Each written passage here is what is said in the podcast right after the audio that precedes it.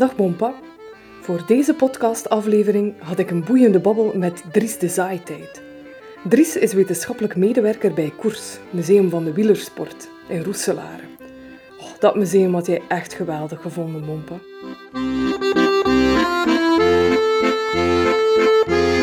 De fietsbompa, dat was echt een revolutionaire vernieuwing. Maar natuurlijk, zoals met alles dat nieuw is, was er ook meteen wat tegenkanting. En een van de klachten was dat die dingen te snel gingen. En eigenlijk is dat nu nog altijd dezelfde discussie met die elektrische fietsen, of nog meer met die speed pedelecs. Dat zijn elektrische fietsen, bompa, waar je tot 45 km per uur mee kan.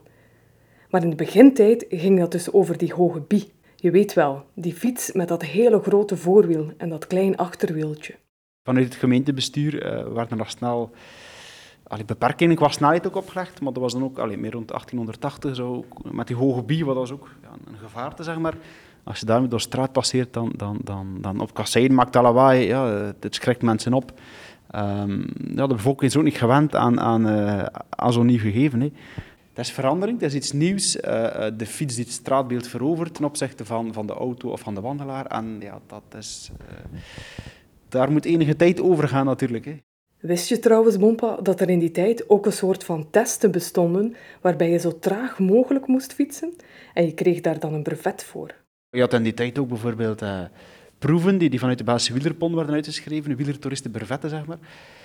Uh, waar je niet sneller mocht rijden dan een bepaalde... Ja, er was een, snelheidslimiet. Uh, wat je echt... Kijk, het was 100 kilometer en... Als je daar nu zes of acht uur over deed, bij wijze van spreken, maakt niet uit, zolang dat je maar het, het, het, het landschap ziet, de, de, de, de veranderingen, echt snelheid maakt niet uit. Dat werd zelfs een klein beetje afgeremd vanuit die, die fietstoeristische organisaties ook. Maar de wedstrijden die er echt toe deden, dat waren natuurlijk deze waarom het snelst werd gereden. En de reden dat zoveel mensen probeerden om met wielrennen hun brood te verdienen, was gewoon omdat ze hoopten op die manier een beter leven te hebben dan zie je dat, uh, gewone mannen hopen via de fiets een beter leven te krijgen. Dus hun arbeidersstatuut te gaan ja, ontvluchten of overstijgen, zeg maar. En eigenlijk hun, uh, ja, hun dagelijks bestaan in de fabriek of op het land te gaan inruilen voor successen op de fiets. Wat eigenlijk heel wat uh, renners is gelukt. Ik denk aan een Cyril van Houwaard bijvoorbeeld, die als eerste berg in het buitenland uh, Parijs-Roubaix of Bordeaux-Parijs weet te winnen. En eigenlijk in zijn zorg zie je dat, dat heel veel gewone mensen ehm, hopen om een gelijkaardige carrière uit te bouwen als Cyril en, en een gelijkaardig leven ook. En ze zien de roem en het geld dat hij verdient. En die gaan dan ook naar de fiets grijpen en, en ja, dan is ja, de koers geboren, zeg maar. Hè, ja. Vooral het fietsen op velodromen, op afgesloten wielerpistes, was ongelooflijk populair. En weet je dat ik nog maar sinds kort tot het besef ben gekomen dat de Velodroomstraat in Sint-Michiels, dat die zo heet omdat er vroeger een velodroom te vinden was? Dan zie je inderdaad dat er overal pistes worden, worden opgericht. Waarom? Um, de factor snelheid. Het is op een afgesloten omgeving. Je ziet heel veel. Uh, um, er zijn inkomsten aan verbonden. Uh, je ziet ook internationale vedetten die komen sprinten. Ik denk aan Jacqueline, Major, Major Taylor, die allemaal uh, het beste van zichzelf komen geven. Dat is gewoon spektakel. Zeker ook als. als de sprint was toen heel populair op de piste. Maar ook het stijgen achter zware motoren, als dat er rond 1900 opkomt, dan ja, dat is een spektakel eerste klas. Zeker als er een keer een uit de bocht gaat. Of, of uh, ja, renners die daar aan, aan 100 of pakt 70 kilometer door de bocht te stuiven. Ja, dat is fantastisch om te zien. De mensen zijn daar verzot op natuurlijk. Hè. Um, vandaar dat je heel vaak die, die pistes ziet, um, uh, zowel in hout als zelfs in Isagram zelf is het een voorbeeld van een, een piste in aangestampte aarde die werd aangelegd ook. Waarbij dat je al de deelnemerslijst bekijkt, dan zie je dat die renners worden bijna uitgedost als jockeys. Uh, echt in kleuren van, van jockeys. Uh, Wit-blauw. Uh, en vaak ook wordt er parallel echt getrokken met paarden. De koers was geboren, zegt Tries. En ik weet niet of dat je dat weet, Bompa, maar de kerk die was daar eigenlijk helemaal niet mee opgezet toen. Met dat ontstaan van die koersen. En eigenlijk niet met fietsen in het algemeen. De kerk was zeker tegenstander omwille van fietsen, van fietsende vrouwen. Ja, dat was onzedig volgens hen, ook omdat er in eerste instantie niet onmiddellijk aangepaste kledij was voor dames op de fiets. Maar je dan al snel de bloemer, een soort broekrok, uh, waar dat vrouwen dat wel zedig kunnen mee, mee, rondfietsen. Uh, maar natuurlijk, het feit is dat, dat uh, ja, vrouwen op een fiets die ontsnappen aan een chaperon, die ontsnappen aan het gezag van de vader, van de man, van de kerk. Dus dat is hetgene dat, dat ja, pal tegen de, de kerk ingaat natuurlijk. Ehm, dus dat, plus natuurlijk ook de koers die heel vaak doorgaat op een zondag. Dan zie je dat de renner, maar ook zijn, zijn supportersclub, uh, in plaats van naar de kerk gaat zondag, die gaan naar de koers. Als hij ergens in Oost-Vlaanderen in de middag moet starten, ja, dan kan hij onmogelijk, tenzij je heel vroeg naar de mes gaat, maar goed, dat, dat valt al steeds moeilijker te combineren. Jij groeide natuurlijk in een heel andere tijd op, Bompa, maar in België kunnen we ons eigenlijk niet meer inbeelden dat vrouwen niet mogen fietsen. En intussen zijn er natuurlijk wel andere discussies over meer aandacht voor vrouwenwielrennen bijvoorbeeld, of over gelijk prijzengeld. En jammer genoeg zijn er ook nog steeds landen waar vrouwen verboden worden te fietsen. Ga, je zou dat zo onrechtvaardig hebben gevonden? Dat heb ik dan van jou mee. Nu, die kerk die draaide uiteindelijk wel bij. Ze konden eigenlijk ook niet anders, met een koers die zo populair was geworden. Maar dan zie je wel bijvoorbeeld dat de kerk vanaf de jaren 30 een klein beetje de omslag begint te maken aan uh, onder een puls van Pater van Klee, inderdaad, de sport dat dat, ze renners gaan zien als een soort uh, ja, schapen die ook moeten uh, bij de kudde blijven en moeten advies krijgen. En dan zie je wel dat er wel wordt stevig wordt ingezet, ook op wielrenners, ook omdat ze zien dat coureurs onmiddellijk populair zijn en eigenlijk een beetje de, ja, de plaats van de god in de parochie gaan innemen. Hè. Die worden letterlijk op handen gedragen door, door dorpsbewoners, door supporters. Ja, dan, dan probeert de kerk ook haar karretje er wel aan te haken. Hè. Waar we niet omheen kunnen bompen, is de impact die de twee wereldoorlogen hebben gehad op de evolutie van fietsen en van koersen. Vooral de Eerste Wereldoorlog, die legde de koers helemaal plat. Fietsen worden opgeëist door de bezetter, dus allee, die Hanse ophang wordt eigenlijk gestopt. Ook op, op wedstrijdniveau, zeg maar. Uh, wat je ziet in, in 14, 18, de eerste jaren, wordt er wel nog beperkt gekoerst op, op pistes. Uh, er wordt ook één of twee of drie edities van de Ronde van Vlaanderen op een piste verreden. Um, maar natuurlijk, in, in ja, 1917 worden bepaalde pistes letterlijk opgestookt, afgebroken, om, om zich te gaan verwarmen. Uh, dan zie je eigenlijk dat die Hanse wielersport redelijk een duw krijgt natuurlijk. En, ja, na, na WO1 dan zit, er heel veel ploegen, heel veel uh, actoren uit de wielerwereld echt financieel aan de grond ook. Hè. Je moet dat echt gaan opgestart worden dat is echt wel ook heel veel renners die letterlijk hun carrière zien eindigen. Hè.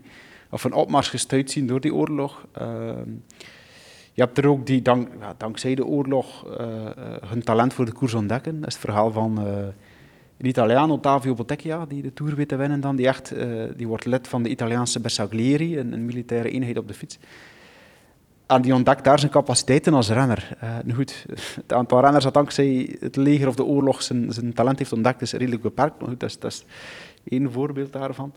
Ook heel veel renners die gesneuveld zijn, die, die dienst uit, uitmaakten uh, in, in, in het front en die het leven lieten, toerwinnaars ook. Jij vertelde niet zoveel over de oorlog.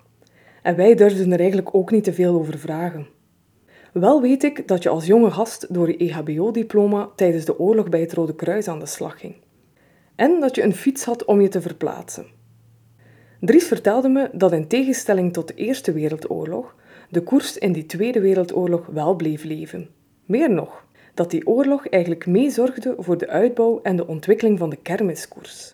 Dat is eigenlijk ganz anders dan de Tweede Wereldoorlog, waar je ziet dat echt eh, de Duitse bezetter zijn les heeft geleerd. Uh, en echt de koers, die dan onmetelijk populair is hier ook, laat doorgaan, doorgaan sorry, als, als een soort van ruwe en politiek om, om, om ja, brood en spelen, laat het maar doorgaan.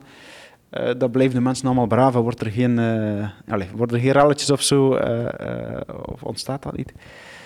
dan zie je wel echt dat de koers um, ja, leeft. Overal en nergens is er een kermiskoers, gigantisch veel volk onderweg. En, en vooral die kermiskoersen, die, dan, ah, die, die bloeien op, zeker na de Eerste Wereldoorlog zie je die opbloeien. En die komen tot volle ontwikkeling in de jaren 40, 45. Er, is geen dag of, de, of er gaat geen dag voorbij of er is geen koers. Maar als gevolg natuurlijk dat na de oorlog heel veel renners vastzitten aan dat kermiskoersencircuit. Dat ze weten dat er daar wel geld kan uh, verdiend worden. Er zijn de nodige afspraken onderling, uh, noem maar op. in die periode na de Tweede Wereldoorlog is er ook een eerste internationalisering. Is er het voorbeeld van uh, Fiorenzo Magni, de Italiaan, die er drie jaar op rij de Ronde van Vlaanderen komt winnen, paniek alom. En dan zie je in de kranten dat er echt wel wordt gewezen naar de kermiskoersen in de oorlog. Ja, maar ja, ze, zijn, ze zijn te veel gemakzuchtig geworden. Uh, ze willen niet meer naar het buitenland, ze willen hier rond de kerktoren koersen om makkelijk geld te verdienen, terwijl de vreemden of de Italianen komen hier dan onze koersen winnen. Dat dat... Uh, daar wordt vaak naar verwezen, zeker in die naoorlogse periode. Uh, ook het feit dat er geen Belg meer de Tour weet te winnen tot, tot 69. dan wordt er wel eens verwezen naar, naar die periode uh, van de Tweede Wereldoorlog. Dus dat zijn twee verschillende oorlogen. De twee verschillende oorlogen zijn twee verschillende periodes in ontwikkeling van de fiets. De ene is echt wel een stijlstand, en het andere is meer ja, een, een stimulans, zeg maar, hè, om, om uh, zeker die kermiskoersen verder te gaan uitbouwen en ontwikkelen. En net als nu waren die renners toen ook al ongelooflijk populair. Die renners zijn echt uithangborden van, van een straat, van een wijk, van een gemeente, zeg maar. Um, ja, dat zie je ook in, in, in kranten bijvoorbeeld, dat uh, soms wordt figuurlijk wordt gevochten voor een renner van kijk, ja, maar ja, die man is wel geboren in Isegem en die Roeselaar is van ons, hè, is van ons. En die renners wisten zelf ook wel dat ze populair waren in Bompa en probeerden daar optimaal van te profiteren, zowel tijdens als na hun carrière.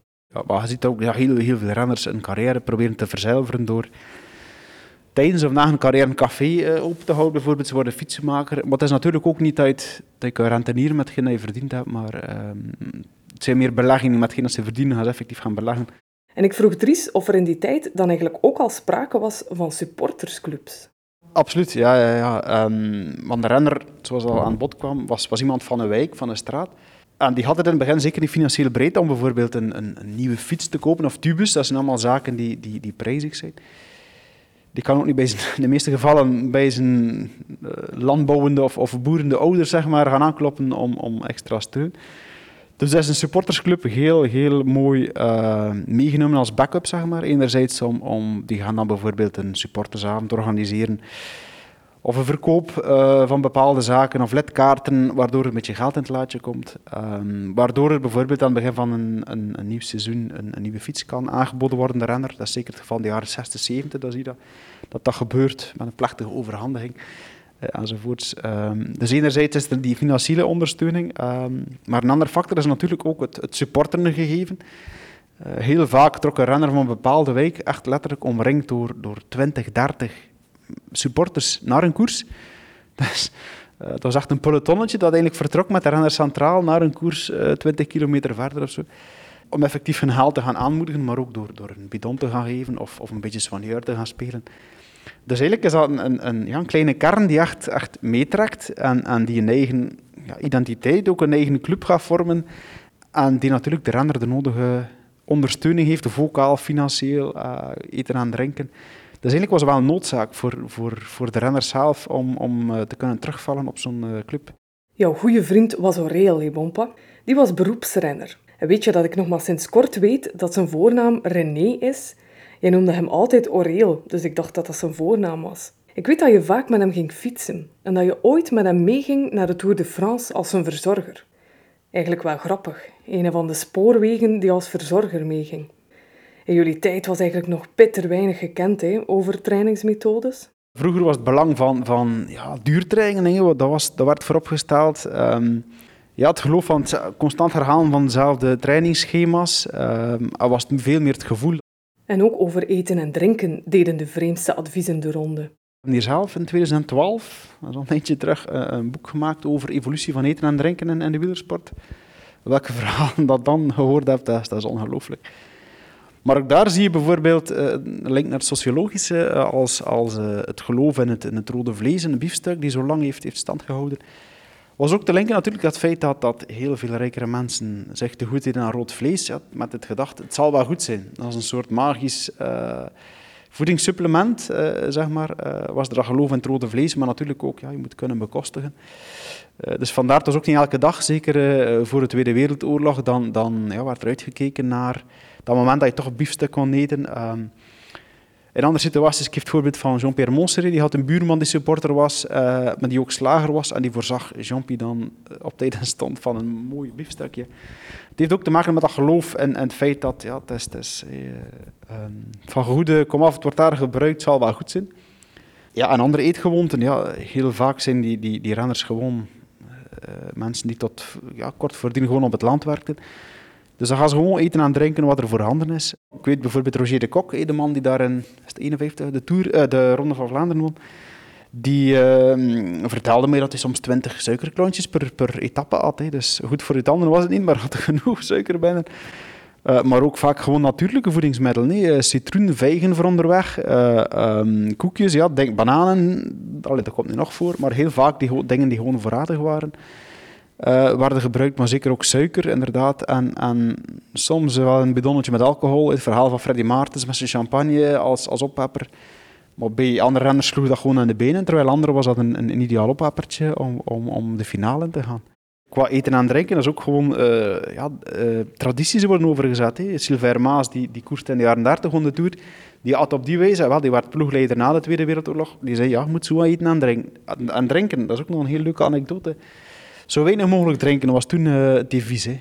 Um, ik heb ook nog dingen gelezen dat hij echt kwaad werd, Sylvain Maas, dat er renners kwamen bedelen achter drinken, maar hij zei, ja, nee, zo weinig mogelijk drinken. Dus ja, kun je gaan inbeelden, die tappes van 250 à 300 kilometer onder blakende zon dat dat toch niet uh, de juiste, eerste voorschrift was. Maar, maar goed, ja, ja, andere tijden. Hè.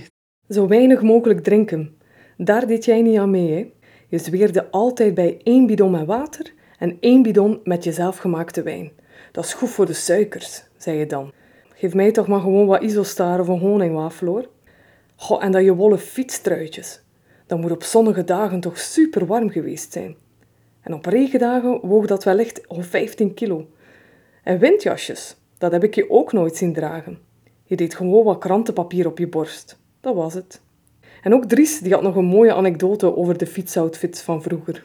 Het voorbeeld misschien bij uitstek was de zwarte truien die de Belgen droegen in de Tour de France als, eh, vanaf 30 toen de Tour met de landenploegen werd verreden. De reden jaar in jaar uit met een zwarte trui, maar goed, de zomers waren toen nog uh, zomers, dus met alle gevolgen van dien. Ze drinken weinig en ze reden constant in, in de blakende zon dat die zwarte trui niet echt het beste of meest geschikt waren om in te koersen. Het is dan pas in 47, denk ik, dat er echt waar wordt gekeken voor een andere kleur van trui. En dan, dan, dan komt dat blauwe, het lichte kleur op de voorgrond. Maar ja, het belang van traditie en, en dankzij commentaar, uh, vaak ook in de kranten zie je dat dan, van zijn supporters die zeggen van kijk, ik heb een test gedaan, ik heb een, zwart, stukje zwarte stof in de zon gelegd, temperatuur gemeten in de voordien nadien.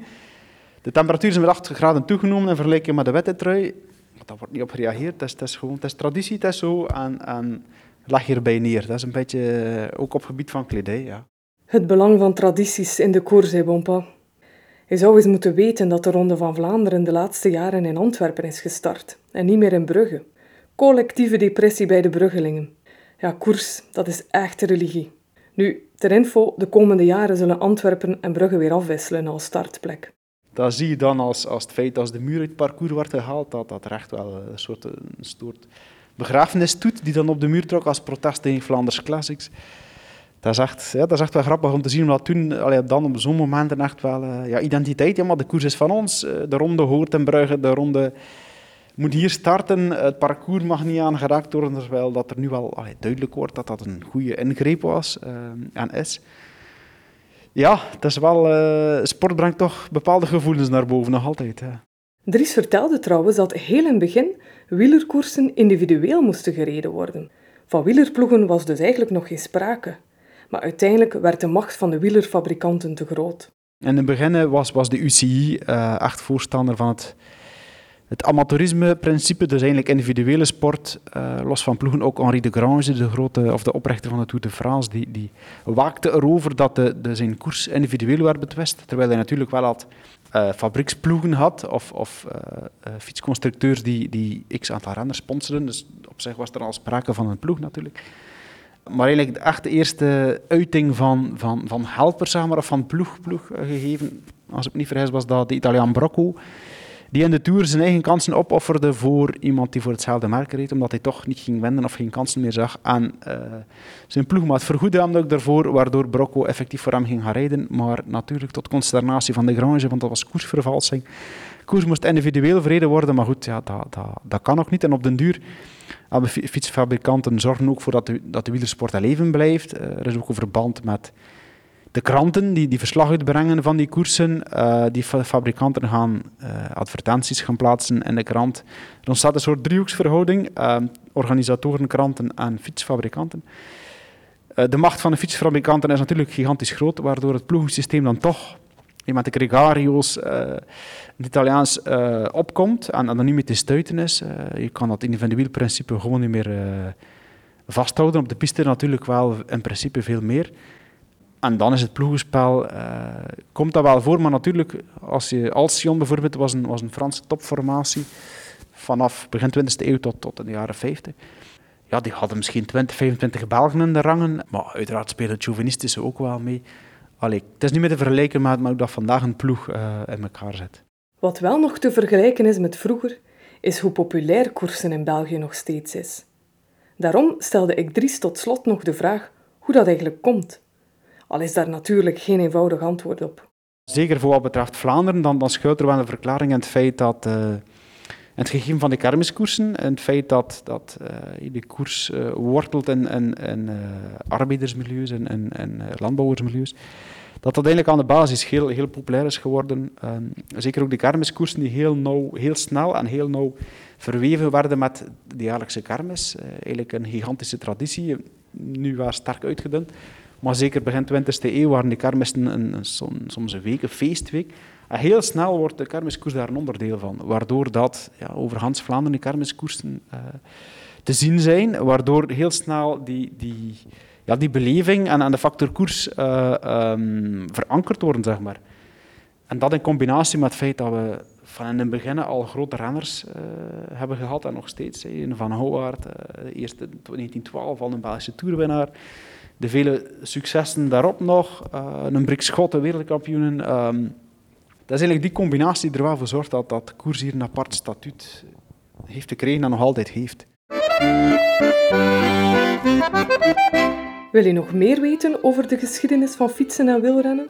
Beluister dan zeker ook de andere afleveringen van In het wiel van mijn bompa Oscar.